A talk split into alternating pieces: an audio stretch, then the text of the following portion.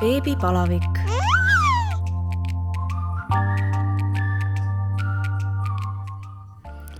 tere tulemast kuulama Õhtulehte, Õhtulehe podcasti Beebipalavik. mina olen saatejuht Katariina Toomets ja veel enne, kui ma juhatan sisse oma tänase külalise, tahaksin ma soovida palju õnne sünnipäevaks oma pojale Sebastianile, kes sai täna üheaastaseks. juhu aga mul on täna stuudios lausa neli külalist. mikrofoni ees on neist küll ainult üks. Steffen, Samwise ja Styles vaatavad praegu kõrval multikat ja minu vastas istub Sigrid Holmsen. tere, Sigrid! tere! no sind inimesed teavad enamasti vist Instagramis, Instagramist, kus sa jagad oma elu kolme, peaaegu kolmeaastase poja kasvamisest siis just täpselt nii no äh, kohe nad saavad äh, kolmeaastaseks, kuidas teil läheb praegu? Äh, meil läheb väga põnevalt, ma ütleks. jaa kas poiste kasvatamine on keeruline, eriti kui neid kolm on? ühes vanuses veel ka? See on korralik närvide töö, ma ütleks, et äh, sihuke katsumused on igapäevased, aga samas see on ka nii tore ja nii fun, et äh, ma ei vahetaks seda mitte millegi vastu. no nad on sul tõesti vahvad, me veel enne siin äh, tegime fotostuudios pilti ja poisid jooksid äh, mööda koridore ringi ja siis äh, isegi mehed tulid vastu ja vaatasid heldinult, kui armsad nad on. et tõesti väga vinged äh, tegelased ma küsiks alustuseks äh, sellise küsimuse, et äh, mis on peamised küsimused, äh, mis sult küsitakse kolmikutega seoses? ma pakun kaks kõige populaarsemat. kuidas sa neil vahet teed ja kuidas sa hakkama saad? see on enam-vähem õige, jah mm. -hmm et äh, viimasel ajal on äh, lisandunud jah, lihtsalt see, et äh, kuidas sa rahaliselt hakkama saad mm. -hmm aga põhiliselt küll jah, et appikene, kuidas sa neil vahet teed, et nad on ühte nägu ja nii edasi, et, et see on, see on niisugune top üks juba kolm aastat olnud, et, et see vist ei kao kuskile. No kuidas siis, kuidas sa alguses neil vahet tegid, ma kujutan ette, et võib-olla sa veel sünnitusmajas päris kohe ei saanud, eks aru? oh ei, appi ei. Ähm, ma ütleks, esimesed kolm kuud ma hoidsin neid kogu aeg äh, niimoodi, noh, nad enamasti lamavad, magavad, on ju, et siis ma alati hoidsin neid, neid äh, ühes voodis niimoodi sünnijärjekorras mm. -hmm. et äh, Styles oli alati esimene, Samwise oli teistest pisem, tema ma tundsin ära, temal nagu ei tekkinud seda probleemi, et läheb sassi teistega mm. -hmm sest ta oli kilo teistest väiksem ja noh, beebide puhul seda on väga palju yeah. nagu märgatav. ja siis äh, Stefan oli viimane ja alati, kui keegi külla tuli, siis ma ka ütlesin, et kui sülle võtad, sa paned tagasi sinna, kus sa ta võtad et, äh, et see oli sihuke jah, esimene kolm kuud kindlasti ja siis sealt juba ma märkasin äh, Stefanil ühte täpikest kõrva peal. kõik ütlesid, et ah, mis asja, see on lihtsalt mingi mustus ja blablabla, mhm. no see ei tule ära mitte midagi, onju ja siis ma isegi guugeldasin selle kohta, et äh, väga vähestel inimestel see tõesti on mm, -hmm. ühe mingi kõrva peal niisugune täpikene ja siis peale seda siis mul oli juba suva, et äh, pärast vaatasin lihtsalt kõrva järgi, et kes on kes ja aga noh, nüüd juba, kui nad on suured, siis, siis nüüd on juba täiesti teist nagu erinevad lapsed. no nüüd oleks juba natuke veider ka, kui sa kolmeaastaselt neil enam vahet ei teeks. jah, tõsi, et see on minu arust nii naljakas lihtsalt, et noh, inimesed tulevadki küsima, et appi, kuidas sa neil vahet teed, aga need on ju minu lapsed, ma olen mm -hmm. kolm päeva, kolm aastat nendega olnud iga päev, et äh, natukene oleks kahtlane, kui ma ei teeks vahet no lähme siis ähm, teie ühise loo äh, päris algusesse Mm -hmm. mis äh, hetkel äh, oli see, kui siis sa ei ole teinud mingit saladust sellest, et sa oled üksikema, kõik yeah. teavad seda, et mis hetkel või kuidas te siis sinu toonase partneriga otsustasite, et, et võiks lapsi saada äh,? tegelikult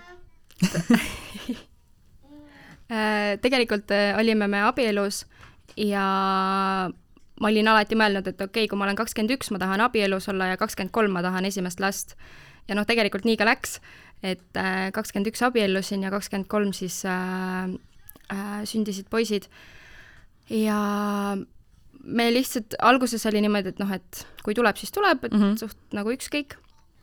aga, aga esimene rasedus siis, mis äh, noh, millal ma rasedaks jäin, siis see katkes ära ja see oli väga-väga kurb, sest ma olen alati tahtnud emaks saada mm -hmm. ja see oli niisugune nagu minu jaoks hästi nagu hästi-hästi raske nagu üleüldse ja noh, raseduse katkemine anyway on väga-väga nagu väga-väga sihuke ähm,?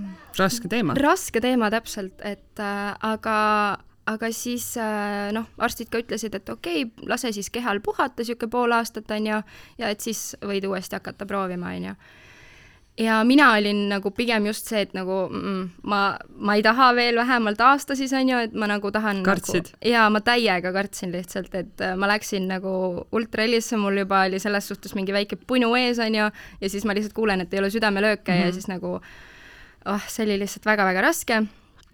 aga, aga siis mingi neli-viis kuud hiljem siis äh, kaaslane ise ütles, et kuule, et äkki nüüd nagu prooviks saata ja siis ma mõtlesin, okei okay,, et kui mees nagu ise ka veel ütleb, et ta tahab nagu nüüd hakata nagu proovima, et last saada, siis ma mõtlesin, okei okay,, no siis see on nagu niisugune noh, sada protsenti märk, et tema on selleks valmis mm, -hmm. et mhm. kui ta ise niimoodi ütleb. siis ma mõtlesin, et oh, okei okay., et äh, noh, võib, võib siis proovida. ja siis kuskil noh, mais-juunis rääkisime sellest ja tegelikult äh, ma mõtlen juuli lõpp või augusti alguses ma sain juba positiivse testi nii et sealt see siis nii-öelda kõik alguse sai. Äh, meenuta seda hetke, kui, äh, kui sa said teada, et, et sa kolmikuid ootad, äh, kust nagu mi-, millal seda juba näeb, kas seda näeb selles kõige esimeses, et sa lähed seal mingi seitsmendal nädalal ultrahellisse või, või, või seal ikkagi peab natuke nagu kauem olema möödas? Äh, kuna, kuna minul see trauma siiski oli väga-väga suur sellest katkemisest, siis mina mõtlesin, okei okay,, ma ei lähe arsti juurde ennem, kui mul on esimene nagu trimester läbi, ehk okay. siis kaksteist nädalat läbi. nii enam-vähem nagu ise arvutades. Äh, ja siis, äh, siis meil oligi nagu noh, kuna sellel hetkel ma olin Norras, aga meil oli nagu õelapse sünnipäevad ja nii edasi, et siis me tulime Eesti ja ma mõtlesin, et okei okay,, minul on nagu mugavam ikkagi Eestis arsti juurde mm -hmm. minna ja siis oli juba nädalaid ka piisavalt palju, et okei okay,, lähen siis esimese arsti juurde, kes mind lihtsalt võtab nagu ultrallisse, et ma saaksin selle kinnituse, et kõik on hästi mm. -hmm ja siis oli nädalaid äkki kuskil mingi üksteist nädalat niimoodi. ja siis ta nägi kahte kohe ekraani peal mm. -hmm. ja ma olin alati kaksikuid tahtnud, lihtsalt alati, ma rääkisin põhikoolist juba, et minust saab kaksikute emme et äh, aga, aga siis ta hakkaski vaatama, et kas nad on siis nagu ühe muna või kahe muna, on ju, et selles suhtes, et äh, nad olid juba nii suured, et ekraanilt nad nagu olidki täitsa nagu niisugused väiksed tegelased mm -hmm. juba, on ju. ja siis ta pidi seal natukene nagu igas, iga nurga pealt vaatama ja siis ta vaatas, okei okay,, siin on midagi veel ja minu esimene mõte oli kohe, et appi, kahest piisab aga siis ta ütles ei, et äh, siin on kolmas veel ja nad on kõik täiesti nagu terved ja kõik on väga hästi. Ja noh, siis nutt oli suur. Aga ma olin väga õnnelik ja ma olen siiamaani, mul on need emotsioonid lihtsalt nii nagu, nii värsked. Äh, kuidas sa siis äh, oma kaaslasele ütlesid, et äh, kuule? ta oli kõrval. Ah,. ta, ta nägi, ta nägi, ta, ta juba kaksikute ajal olid silmad punnis ja mingi okei. okay et noh, kuna ta ise on selles suhtes ka kaksik äh,, siis me olime suht kindlad, et okei okay,, meist läheb see mööda, sest see ju nii-öelda, nii-öelda käib üle põlve, aga arstid äh, ütlesid kohe, et nii see ei ole. et see, see oleneb äh, emast, et kas tulevad mitmikud või ei. okei okay,, mina olen ka alati arvanud, teadnud just seda üle ühe põlve juttu ja, ja mu isal on kaksikud ja siis ma mõtlesin ka, et noh, mul on väga suur võimalus kaksikut saada, ei saanud. ja minul just oli vastupidi, et okei okay,, tema on kaksik, siis noh, ah okei okay,, sinna mu unistus läheb kuidas te siis äh, perekondadele teatasite ja, ja sõpradele, kuidas nemad reageerisid äh,? mina ühesõnaga ma läksin sealt haiglast ka siis niimoodi välja, et äh, ma ei võtnud isegi mingeid pabereid kaasa, mis ma pidin, ma pidin pärast veel šokis äh,. ja ma lihtsalt kõndisin sealt ultraheliruumist välja, et ma tegelikult pidin veel naiste, naistearsti juurde minema ja nii edasi, kinnitama nii-öelda raseduse ja kõik need, on ju. aga ma ei teinud seda, ma läksin lihtsalt välja, ma helistasin õele ja lihtsalt äh, nutsin ja ütlesin, et appi, sa ei usu. ja siis ta ütles, et kaksikud või? siis ma ütlesin ei, kolm ja siis äh, tema oli kohe nagu esimesest päevast, ma helistasin talle kohe, kui ma sain positiivse testi ja nii edasi, et selles suhtes, et tema oligi kohe nagu elas kaasa, nagu ise ootaks neid kolmikuid ja pered ei uskunud ei uskunud lihtsalt senikaua, kuni nagu korralikku ultraheli pilti nägid, kus nad kõik siis olid. arvasid, et teed nalja või? Jah, nad ütlesid, et ei, see ei ole võimalik ja mis asja, vaata, et loomulikult Helju ei aita, et selles suhtes, et nagu see ei ole lihtsalt võimalik, aga noh kõik on võimalik no mis hetkel sinu kaaslane siis otsustas, et, et tema ei, ei taha laste elus osaleda äh,? tead, kui ma nüüd tagantjärgi mõtlen, siis äh, ma arvan, et see oligi suht kohe peale seda, kui ta sai teada, et on kolmikud sest mina sain äh, automaatselt kohe lennukeelu ja nii edasi, et kuna ma olin väga riskirase ma käisin iga nädal äh, arstide juures ja ühesõnaga ma pidin Eesti jääma. Te muidu elasite siis Norras? jah, et äh, aga mina pidingi ju kohe Eesti jääma, et äh, mul tegelikult oli septembris nagu septembri alguses ma käisingi arsti juures ja septembris oli ka Norras nii-öelda äh, see, mm, mis see sõna on nüüd Äh, no et ma saaksin sinna nagu noh, ame-, ametlikult elu, elada elamisloa, elamisloa, jah mm, -hmm. täpselt. Et ma saaksin elamisloa, ma pidin seal nagu intervjuule minema ja nii edasi, et see oli ka just septembris, aga ma pidin selle ära tühistama, sest noh, minu jaoks olid lapsed sellel hetkel ikkagi mhm. olulisemad mm. -hmm. et äh, jah, siis mina jäin Eesti ja tema läks ära ja tegelikult ma arvan, et sealtsamast äh, hakkaski see nii-öelda lõhenemine, et kuigi minu poolt ei olnud mitte midagi, me helistasime äh, rääkisime igatipidi ja nagu selles suhtes, et ta ise ka ei näidanud mitte mingit märki sellest, et ta, et ta nüüd otsustab ära minna mm. -hmm. et äh, käis meil külas ja koos äh, saime siis teada seda, et on poisid kõik, on ju, ja värgid-särgid, et kõike selles suhtes tegime ja noh, detsembris ta siis juba tegelikult kolis ise Eesti mm, -hmm. et samal ajal äh, kõik oma asjad saatsime juba noh, Eesti tagasi, et siis jääme Eesti vähemalt selleks ajaks, kui poisid natukene kosuvad ja siis vaatame mm -hmm. edasi. et see oli niisugune algne plaan, aga, aga siis jah, peale poiste sündi äh, kaks päeva hiljem, kui me veel haiglas olime, siis ta ütles mulle, et äh, ta ei armasta mind enam ja et ta läheb ära ja okay., jah, see tuli minu jaol, minu jaoks täiega ootamatult, sest nagu ma räägin. sa oled haiglas, sa oled toonud ilmale kolmikud mm -hmm. niigi hapras seisus okei okay ja see oli, see oli tegelikult täiesti kohutav, ma olin poistega pea kuu aega haiglas ja ma iga päev nutsin lihtsalt. ma olin nagu siuksed, padi oli korralikult märg lihtsalt kogu aeg ja, ja nagu esiteks ma tegelesin äh, kõige sellega, mil, mis minu keha just nagu mm -hmm. läbi elas, siis on ju see suur operatsioon ja nii edasi, et ma ei saanud õieti kõndidagi ega midagi Äh, ma pidin äh, oma väikeste poiste eest seal nii-öelda noh, nii palju hoolitsema, kui ma siis sain, on ju. ja siis äh, noh, tagatippu siis see ka veel, et okei okay,, et sa nüüd jääd nendega üksi, kui sa siit välja saad. et noh, tegelikult juba haiglas olles ma olin nendega üksi seal. Ja ta ei andnud sulle vi nagu viimase raseduse hetkeni mingit märku, et midagi võiks halvasti olla? ei, sest äh, minu sünnipäev on kaks päeva pea, enne poiste sünnipäeva ja ta veel tuli ja tegi kingitused ja värki-särki ja et armastab ja nii edasi, et ootab väga poisse, et sellel hetkel ma juba olin haiglas. Ehk siis oma sünnipäeva ma võtsin haiglas vastu ja koos temaga ja me olime viim-, viimse minutini selles suhtes kõik koos ja tema oli ka esimene, kes äh, tema oli ka esimene, kes poisse üldse nägi mm -hmm. ja nii edasi, et tema esi, saatis mulle nagu pildid poistest, et see oli minu esimene kontakt nii-öelda siis. et, äh, et ta oli noh, esimene kakskümmend neli tundi selles suhtes mm -hmm. ta oli nagu in ja ta oli täiega nagu nii-öelda isa ja siis ütles, et okei okay,, ma ei armasta sind ja ma lähen ära, ära. huvitav, kas siis kolm beebit, kolme beebiga kakskümmend neli tundi hirmutas ta nii ära, et äh, olete te sellest rääkinud, olete te üldse suhelnud pärast?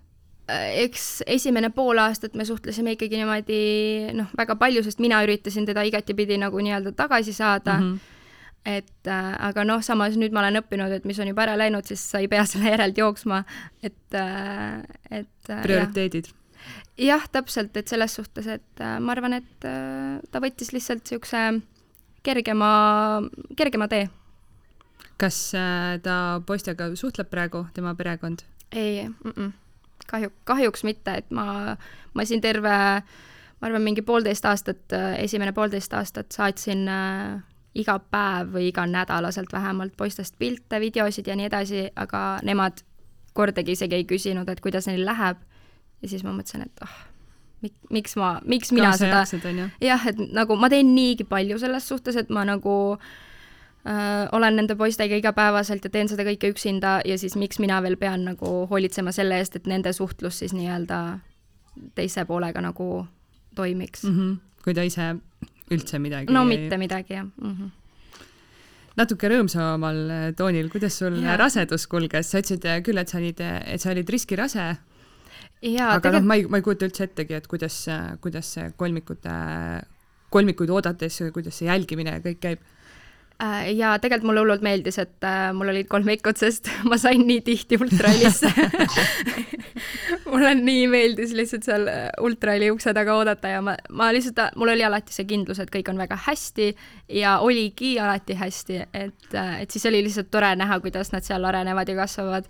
Et see oli niisugune väga-väga suur pluss, et isegi kui ma kunagi peaksin nagu ühe lapsega rasedaks jääma, siis ma ei kujutaks ette, kas ma elaksin üle nii vähe neid ultrahelisid, kui ma olen harjunud nii palju. venna juures. Stalsi juures. kuidas sul enesetundega oli, noh, ma ei tea, naistel on ju, rasedused on kõik erinevad, ma kujutan ette, et et kui ühe lapsega juba kopsumaht väheneb, siis kolmega väheneb veel rohkem. oh appi äh,, tegelikult äh, nagu väga palju on ka küsitud seda, et kas ma juba aimasin, et on mitmikud või mida iganes, on ju, siis tegelikult esimestel nädalatel, kui ma üldse selle positiivse testi sain või enne sedagi, ma mõtlesin, et okei okay,, siin on rohkem kui üks, sest mul oli lihtsalt nii paha. ma elasingi ainult vetsus, ma ei saanud autoga rohkem kui kaks minutit lihtsalt sõita ja mitte midagi ei saanud teha. et äh, lihtsalt see iiveldus, see kestis, ma arvan, mingi no pea mingi kahekümnenda nädalani mm, -hmm. et nad panid ikka korralikult. tule istu tädi sülle siis no.. tahad, tuled siia? noh, ops, räägime Ebega juttu nii, iiveldasid kahekümnenda nädalani, siis läks äh, paremaks? siis oli, ma arvan, mingi kuu aega sihuke okei okay, ja siis ma sain, siis ma pidin äh, voodis ainult olema et äh, siis olid äh, nii-öelda, poistel oli kõik hästi, aga minu keha oli see, mis tahtis nii-öelda alla anda ja juba mm, -hmm. juba nad välja nagu saada. et siis äh, mingi kahekümne kolmandal nädalal siis arst ütles, et okei okay,, et ma ei või põhimõtteliselt mitte midagi teha mm. -hmm. et äh, pidingi ainult voodis olema ja väga rahuliku režiimiga, et mul olid seal mingid veritsused ja kogu aeg käisin kiirabis ja nii edasi, et siis olin ka mitu ööd nagu haiglas sees vahepeal, et see oli niisugune nagu veits nagu hirmus mm, -hmm. et äh, ma teadsin, et poistega on kõik hästi, et aga lihtsalt minu enda. äkki anna mulle seda. ei ole. on. no ja lõpuni, aga see on kibe. see on äh, apelsini ja kreemi maha.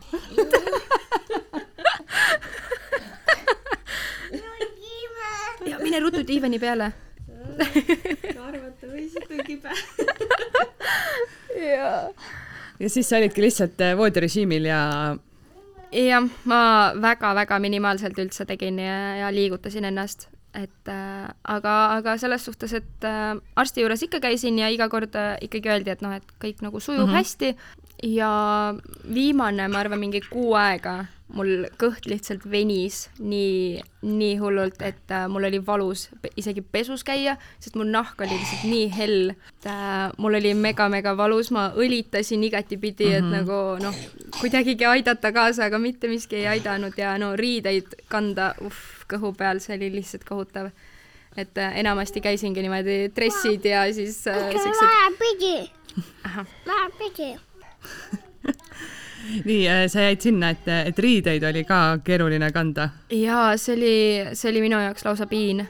et äh, ma mäletan isegi ühte jõulupidu enne seda, mul oli üks mingi kleit seljas, sest ilmselgelt, kui sa oled rase, sa tahad nagu kanda siukseid nagu ümberriideid mm -hmm. ja et näidata oma kõhtu, onju ja see kleit oli nii valus, ma lihtsalt ootasin, et ma saaks koju ja selle ära võtta. et, äh, et see oli, see oli väga hull. aga, aga peale, peale keisrit sellega, see kadus ruttu ära kas äh,, kuidas siis äh, poisid ilmale tulid, et kas ähm, äh, kolmikute puhul on üldse mingi lootus ise sünnitada või ikkagi pandi äh, keisriaeg ja kõndisid õigel päeval haiglasse äh,? tegelikult mina olin äh, paar päeva juba enne, enne nende sündi haiglas, sest ma kukkusin seal äh, koera jalutades ja siis ma lihtsalt läksin igaks juhuks Viljandisse kontrolli mm. -hmm et mõtlesin, et no igaks juhuks, et ma tunnen, et mul on kõht nagu pinges ja nagu see ei kõla hästi ja et mm -hmm. ma mhm. igaks juhuks lihtsalt lähen. ja siis nad ütlesid, et okei okay,, siin nagu veits sünnitegevus juba toimub ja meie ei julge sind Viljandisse jätta, et saadame Tartusse mm. -hmm. ja siis äh, sõitsimegi kohe nagu kiirabiga siis äh, Tartusse.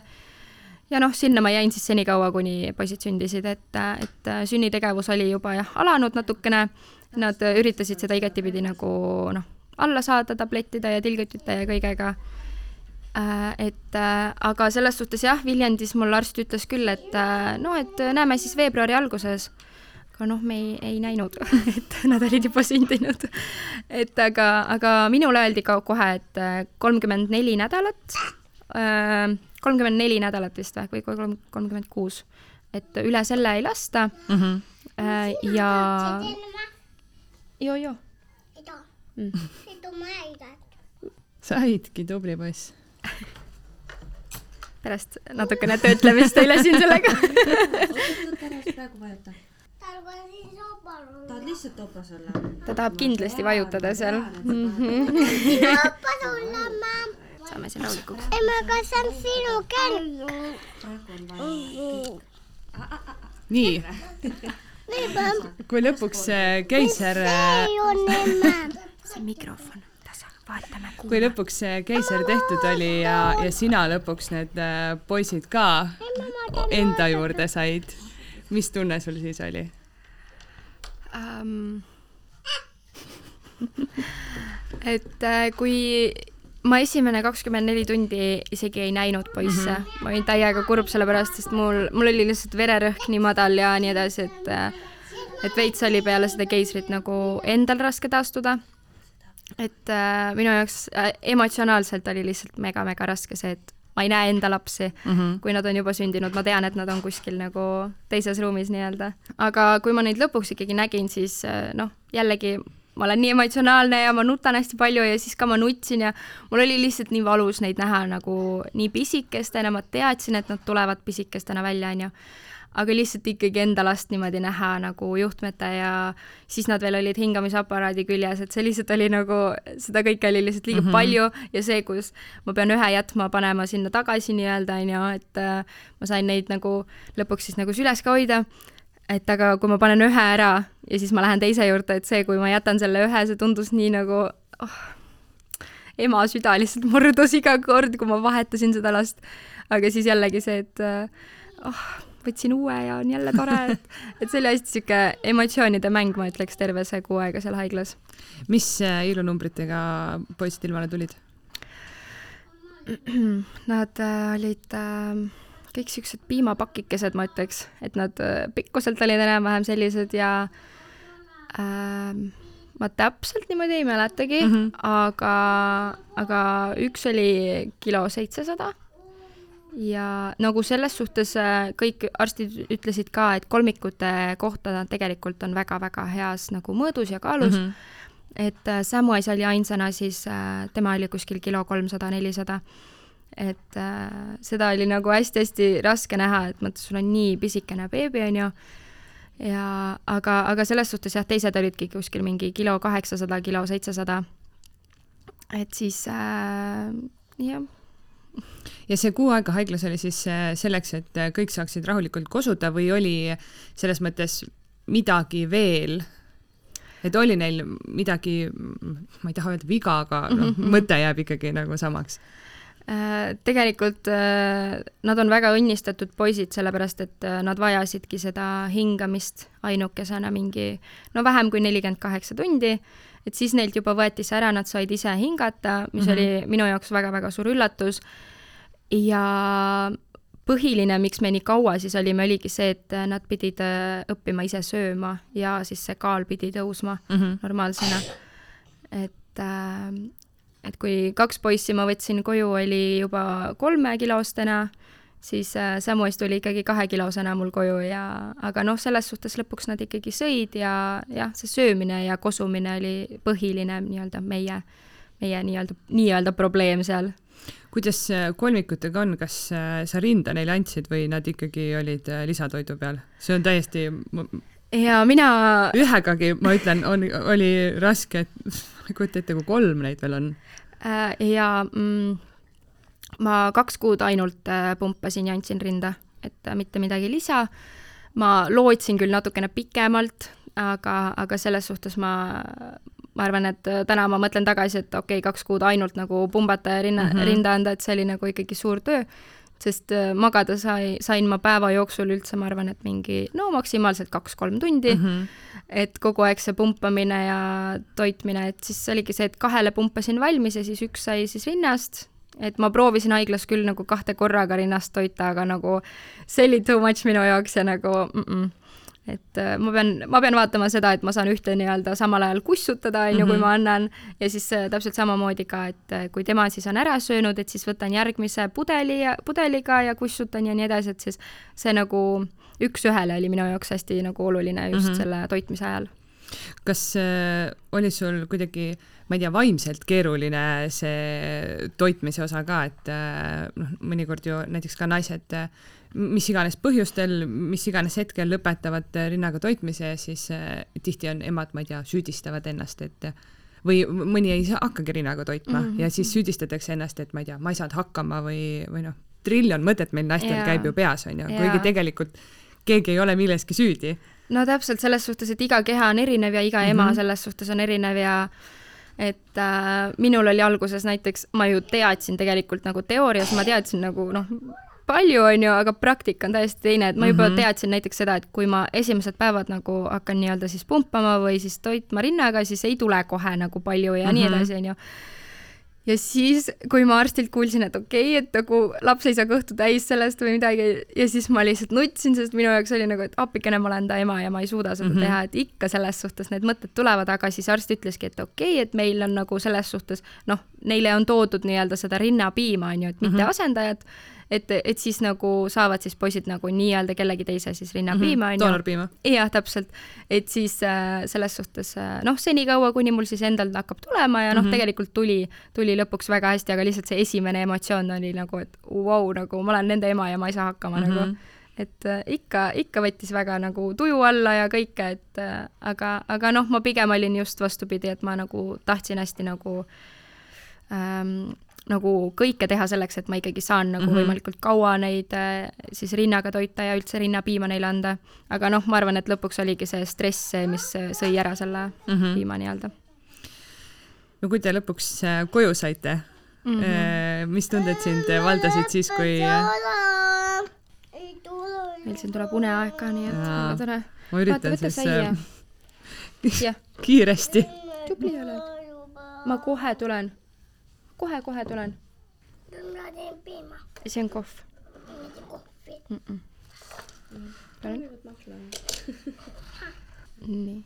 mis tunne oli siis, kui arst ütles, et saate koju oh,? see oli, ma isegi ei uskunud seda, ma mõtlesin nagu appikene, mis ma nüüd teen nendega seal kodus et äh, tegelikult ma ju teadsin, et ma siis olen nendega üksi ja selles suhtes see nagu tundus nagu füüsiliselt hästi hull nagu minu jaoks, aga noh, see selles suhtes oli ka, et äh, une, unevaevus oli nagu kõige mm -hmm. suurem, et aga ma arvan, et äh, ma arvan, et ma toimisin justkui nagu robot, et ma lihtsalt teen neid tegevusi mm -hmm. ja nagu esimene pool aastat ma tundsingi ennast lihtsalt nagu mingi robot, kes nagu lihtsalt teeb asju, et oma lapsed elus hoida mm. -hmm et äh, nii kui nemad äh, ärkasid, siis äh, noh, selles suhtes tegutsesin mina siis ainult nende ümber mm. -hmm. et et äh, aga, aga tore oli küll koju saada, et lõpuks tead, olla, olla sellest haigla seinte vahelt väljas mm. -hmm. kes, kes, sul oli kindlasti keegi ka abiks, kui suur seal see turvavõrgustik on?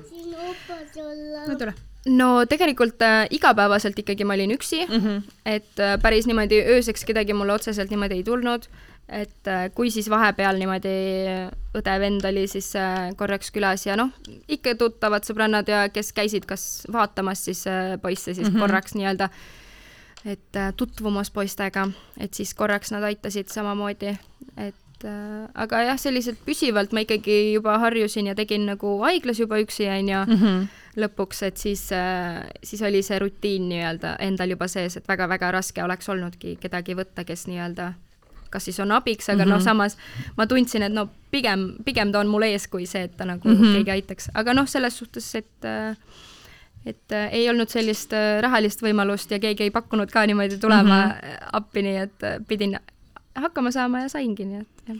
kas sa oled alati olnud selline, ma ei tea, väiksest peale selline äh, tugev äh, tüdruk, et äh, saan kõigega ise hakkama, sest üksikemadus on nagunii raske. Kahega -hmm. oleks raske, sul on neid kolm mm. -hmm. nagu ma kummardan su ees maani, mul on mõnikord ühegagi raske ja mul on elukaaslane ka um ma ütleks, et äh, trauma kasvatab inimesi mm, -hmm. et äh, kuna ma olen juba põhikoolist äh, alates olnud selline narritav ja igatipidi nagu kohe negatiivsuse keskel ja ma ei ole tahtnud üldse, et see mind endaga nii-öelda kaasa tõmbaks. Et siis äh, ma olen kogu aeg pidanud hästi palju vaeva nägema sellega, et oma mõttemaailma ka muuta seda, et kui keegi ütleb mulle halvasti, siis jah, see puudutab mind, jah, ma nutan ära, mhm. onju, aga selles suhtes ma ei tohi lasta sellele endale nagu väga nagu, väga nagu sisse minna. et, äh, et jah, ma arvan, iga sellise raskema olukorraga ma järjest kasvasin või siiamaani kasvan tegelikult tugevamaks e, emotsionaalselt just, et, äh, et siis jah, nüüd, nüüd on juba sihuke, et tuleb, mis tuleb ja on, mis on, et jah kas sa oled mõelnud ka selle peale või võib-olla nad juba küsivad isa kohta? jah, see isa teema selles suhtes nad, nad ei oska küsida millegi kohta, mida neil kunagi mm -hmm. olnud ei ole. aga nad on kuulnud seda sõna. me oleme õe juures olnud, kus siis tema, tema lapsed, noh, nende isa kohta siis, kui nad, kui ta koju näiteks tuleb, on ju, siis ütleb, et issi tuli, issi tuli mm, -hmm. no siis minu poisid jooksevad ka kaasa, me lihtsalt naerame selle nagu nii-öelda naerame selle peale, et okei okay,, öelge, öelge issi siis onju. et äh, ja isadepäeval samamoodi, et kui seal lasteaias õpetajad ütlesid, et noh, mine nüüd oma issi juurde, et noh, tegelikult paljudel olid seal emad, onju aga noh, ikkagi siis öeldi, et mine issi juurde ja siis minu poisid lihtsalt vaatavad ringi, et oota, kelle juurde ma nüüd lähen ja siis ma ütlesin, et ei, tule emme juurde ikka. et äh, selles suhtes äh, äh, ma mingi hetk ikkagi nagu noh, kindlasti räägin neile täpselt nii, nagu on ja nii edasi, on ju, et ma, ma olen nii palju mõelnud sellele, et ma ei taha, et nad tunneksid, et, et nii-öelda nemad ei ole armastatud mm. -hmm. et minu jaoks on hästi-hästi oluline see, et neil ei tekiks nii-öelda seda nagu traumat, millest nad siis peavad terve oma täiskasvanu ea nii-öelda välja kasvama, on ju. et ma nagu teen enda poolt kõik selleks, et nad tunneksid iga päev, et nad on väga-väga armastatud, olgu siis neil see isa või ei ole, on ju et äh, ja sama, samuti ka noh, praegu nad on veel liiga väiksed mm, -hmm. aga mhm. kui nad natuke suuremad on, et siis ikkagi rääkidagi, et et teie ei ole selles asjas süüdi mm, -hmm. aga tema lihtsalt ei olnud valmis. et ma arvan, ma arvan. nii, kuidas see asi on. no täpselt, et ilustama ma selles suhtes ei hakka äh, nii-öelda selle isa poolt äh, tehtud, aga, aga noh, selles suhtes, et äh, noh, lapsi jutust ilma ka ei jäta mm. -hmm, vältima ei hakka seda teemat. jah, täpselt, et äh, jah no te kolisite Tallinnasse nüüd just äh, Viljandist. jaa. oh. ma vaatasin, et äh, su Instagrami jälgijad said sulle just küsimusi ka esitada ja see oli vist äh, väga popp küsimus, et miks Tallinn?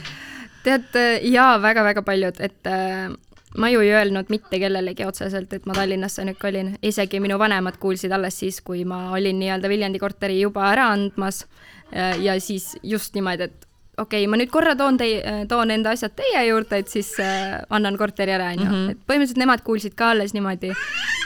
ja siis noh, minu jälgijad samamoodi, et aa, et, et miks sa nii-öelda saladuses hoiad seda, onju, et aga ma ei hoidnud saladuses, ma lihtsalt tundsin, et nagu lihtsalt ei see, rääkinud see, sellest? see ei ole see hetk, et ma ei ole ise sisse elanud veel ja nagu jah, aga Tallinn, see oli mul alati kuidagi nagu, nagu südames olnud, et äh, juba, juba nagu peale poisse, poiste sündi nagu ma tundsin, et Viljandi ei ole see koht, kuhu ma, kus ma tahan olla.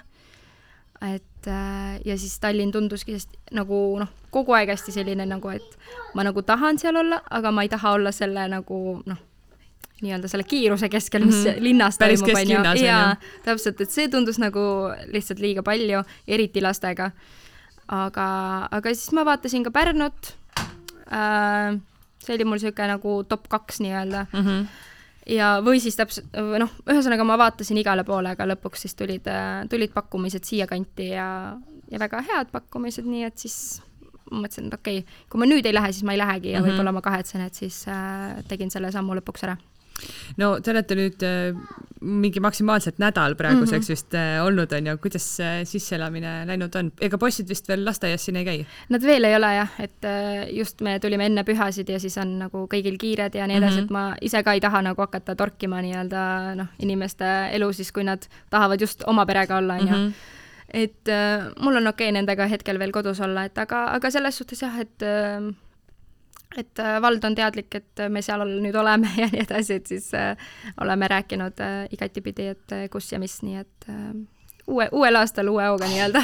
Praegu veel äh, lihtsalt avastate kodukanti? jaa, jaa, see on väga põnev, et äh, käisime korraks maja taga pargis kõndimas ja pidin Maps'i lahti võtma, et koju tagasi saada.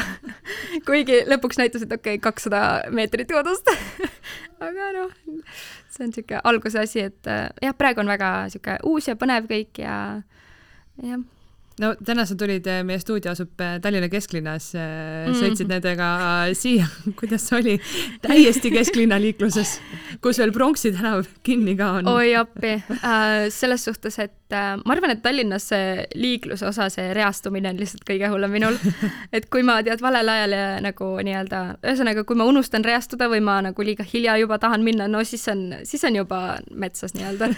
et siis ma olen liiga hiljaks läinud ja jäänud ja teen suure ringi, aga noh, poistele nagu meeldib autos hästi palju jutustada, aga minul, kui ma sõidan nagu Maps'iga, siis ma just tahan, et nad oleks hästi tasa mm -hmm. ja siis ma kogu aeg ütlesin, et poisid, palun natukene tasa, et emme peab keskenduma et, et selles suhtes, õnneks ei olnud väga pikk maa, et sihuke kümme minutit mm. -hmm. et aga, aga noh, see liiklus on, liiklus on ikka liiklus, noh aga lõpuks, kui ma okei okay, juba parklat nägin, siis ma mingi oh,, lõpuks jõudsin kohale et jah, sellega tuleb harjuda Äh, mis, mis sa ise tegema hakkad? Äh, sa oled küll nendega, sa ütlesid, et oled veel nendega kodus, plaanid sa mingit tööd äh, otsida, on sul juba midagi? jaa, täpselt, et kui ma ütlesingi, et mul on pakkumised Tallinnas, siis täpselt selle ka, et ma ei oleks kolinud mit-, nagu ma ei oleks kolinud Tallinnasse või üleüldse mitte kuskile ära, kui mul ei oleks äh, mingit äh, kindlust, et kas poisid saavad äh, lasteaiakoha mm -hmm. või mhm. üldse mingi koha ja pluss, et mina tööle. et need, need punktid tegelikult täitusid ise ära. et jutud käivad selles suhtes, et ma peangi veel nüüd uuel aastal asju arutama, aga selles suhtes, et äh, äh, mul on jah, tööpakkumine olemas ja samamoodi ka, et saan nii-öelda poisid tööle kaasa võtta. oo, väga põnev. Äh, jah avalikustad sa, mis see on või, või veel, kuna allkirjad pole all, siis? jaa, täpselt, et siis, kui kõik on kindel ja siis, siis räägime, et äh, jah. No äh, sind võib täiesti rahulikult äh, nimetada sisuloojaks äh,, isegi influencer'iks äh.. kuidas äh, kuidas sul see Instagrami asi hakkas tööle, kas, kas sa juba olid äh, nii-öelda siis tuntud Instagramis enne poisse või, äh, või ikkagi, kui poisid sündisid, siis, siis just see kolmikute elu jagamine oli see, mis, äh, mis sulle jälgijaskonna tõi? Ähm, ma tegelikult nagu nii-öelda vaikselt, vaikselt jagasin ka varem juba, ma kirjutasin blogi, aga ma ei olnud üldse nagu niisugune aktiivne seal, aga noh, samas ikka mingid jälgid olid nagu tekkinud et äh, aga siis äh,, siis kui ma nagu jäin rasedaks ja siis, kui ma sain teada, et on kolmikud, siis ma mõtlesin, et okei okay,, ma ise ei taha neid asju unustada, onju. Mhm. ja ma tahan, et see oleks hästi nagu ka minu enda jaoks aktuaalne ja selline hästi nagu noh, nii-öelda, et kui ma saan tagasi vaadata lihtsalt, et siis nagu on, mida vaadata mm. -hmm. ja Instagram oli just selline hästi nagu hea platvorm, et kus ma saangi neid story sid teha, pärast saan järgi vaadata, on ju, ja postitused ja nii edasi, et et see tundus hästi niisugune nagu kiire ja hea lahendus äh, nagu noh, nagu võrreldes siis näiteks blogiga, kus ma pean päriselt võtma aja ja kirjutama mm -hmm. ja nii edasi. et siis äh, juba raseduse ajal ma hakkasin nagu just nagu rohkem noh, kajastama asju et äh, aga jah, ma arvan, et poiste sünd oli lõpuks ikkagi see, kus nagu siis need äh, jälgijad äh, lõpuks tulid ja noh, selles suhtes ma arvan, et ongi, et inimesed jälgivad pigem poisse kui mind, et siis ma ka näitan rohkem poisse kui mind. Ma tahtsingi just küsida, et kas, et kas sul oli alguses võib-olla ka selline nagu mm, kahtlus, et kas peaks neid näitama, samas kui sa juba hakkasidki seda, noh, just seda kolmikute asja, asja nagu jagama, siis siis noh, oleks ka natuke võib-olla veider, et, et, et sa neid ei näita, onju. jaa, täpselt, eks mul ikka vahepeal on käinud nagu või noh, varem nagu käis mõttes, et et kas see on ikka nagu okei okay,, et ma näitan oma nagu lapsi, kellel ei ole nii-öelda sõnaõigust, et kas nad tahavad olla internetis või ei. aga samas ma mõtlen nagu seda, et ma, ma ei tee nagu kahju nendele, kui nad ka nagu tulevikus näevad siis, mida ma olen postitanud või mm -hmm. mida iganes, on ju. et ma ei tee nende postitustega nendele kahju, et siis, siis, siis miks okay, mitte, jaa, täpselt, et et selles suhtes ka, et mul on väga hea meel, et minu jälgijaskond on, enamus on kõik emad, elavad el, nagu üle täpselt samu asju, mida mina, on ju, minul on lihtsalt korda kolm mm. -hmm et, äh, et jah, selles suhtes ma nagu tunnen, et see on, see on niisugune nagu hetkel minu jaoks veel turvaline platvorm, kus nagu ka poistel on nagu nii-öelda turvaline. no ma kujutan ette, et noore naisena äh, tähendab, ma ei tea muidugi, kas sa selle peale mõtled, aga, aga võib-olla ikka tulevikus sa tahaksid enda ellu meest. kas kolme poisi kõrvalt sul üldse mingiks selliseks date imiseks jääb aega? Eks ma siin äh, olen äh, nendel kohtingutel käinud küll aga eks mitte nii wow. palju wow. kas esimene asi on kohe, ütled, et äh, mul on kolmikud äh,? ei, tavaliselt äh,, tavaliselt on niimoodi, et noh, ma ei ole nagu väga, väga nagu noh, ma ei otsi kedagi ja siis ma ei ole ka nagu väga suhelnud kellegagi nii-öelda mm -hmm. meesterahvaga siis onju. aga kui, kui keegi on tulnud rääkima, siis noh nad küsivad alati nagu internetis siis sotsiaalmeediat, no siis ma jagan oma Instagrami mm -hmm. ja mhm. siis sealt on nagu kõik näha, onju. ja siis vaatab, kuidas see suhtlus edasi läheb, kas üldse nagu jõuame sinnamaani, et nä näost näkku näeme, onju. et äh, enamasti seda ei juhtu ja mis mul on hea meel selle üle tegelikult, et äh, et ma ei vaja enda kõrvale kedagi, ma otseselt ei otsi kedagi mm. -hmm et äh, õde küll ütles, et noh, sul võiks ka ikka keegi olla aga, aga ma ise ei tunne sellest, sellest nagu puudust hetkel, et ma olen väga nagu, väga heas, heas kohas endaga, et ise kasvan ja kasvatan poisse, nii et sihuke kunagi kindlasti tuleb et.... et kui tuleb, siis tuleb, kätt ette ei pane, aga. no täpselt, aga tead äh,, iga, iga korraga oled nii piki, et äh, selline et päris, päris igaühte ligi ei lase. no kas sa tahaksid äh, tulevikus äh, veel lapsi või, äh, või sinu see äh,, sinu karikas on nüüd täis nende kolme marakratiga? väga armsa marakratiga ähm,. jah, selles suhtes, et äh, ma ei tea, ma, ma nagu alati olen tahtnud kolme last, ma ei mõelnud, et ma saan nad nüüd korraga, korraga. aga kolm tundub niisugune täitsa okei okay,, et neil on nagu põnev ja tore omavahel, onju. aga samas ma mõtlen, et noh, kui peaks tekkima, siis ma arvan, siis kui nad juba kooliealised mm -hmm. on, mhm. et praegu, praegu ei taha. aga samas, kui tulevad uued kolmikud, siis äh, see oleks nii tore, nagu ma ise juba tunnen, et see oleks nii nagu tore, et et siis, siis juba ma olen kõik selle tee nagu üksi läbi käinud ja kui veel sellel hetkel siis näiteks kaaslane oleks kõrval, et no siis oleks ju luksus, et et ma nagu ei pelga tegelikult seda rasedust, et mulle väga-väga meeldis rase olla. mul on nii kahju, et ma nii lühikest aega tegelikult olin see. Aga, aga jah, selles suhtes e eks näis, mis tulevik toob Sigrid, aitäh sulle, aitäh Styles, Samwise ja Steffen, te olite väga ägedad. ma soovin teile kõike kõige paremat ja palju õnne siis äh, varsti äh, saabuva kolmanda sünnipu-, sünnipäeva puhul, mis plaanid on? pidu juba korraldatud? ma olen nii kahe vahel, et kas ma teen siukse pisikese ja kodus ja nende kõige-kõige lähedastematega või äh, go for it ja teen nagu suurelt. ma olen nii kahe vahel, et noh, kolm saab kolm, onju, et võiks ma arvan, nagu suur suurelt... pidu, ma olen suure peo poolt. oled jah, okei okay. ma veits ei sega nagu, aga jah, ma arvan, et nad vääriksid suurt pidu, nii et tuleb hakata siin Tallinna ümbruses vaatama, kus ja mida. aitäh sulle, Sigrid, ja aitäh kõigile kuulamast! ja aitäh kutsumast! kuula beebipalavikku üle nädala neljapäeviti Spotify'st, iTunes'ist või kust iganes oma podcast'id leiad no edu töötlemisel.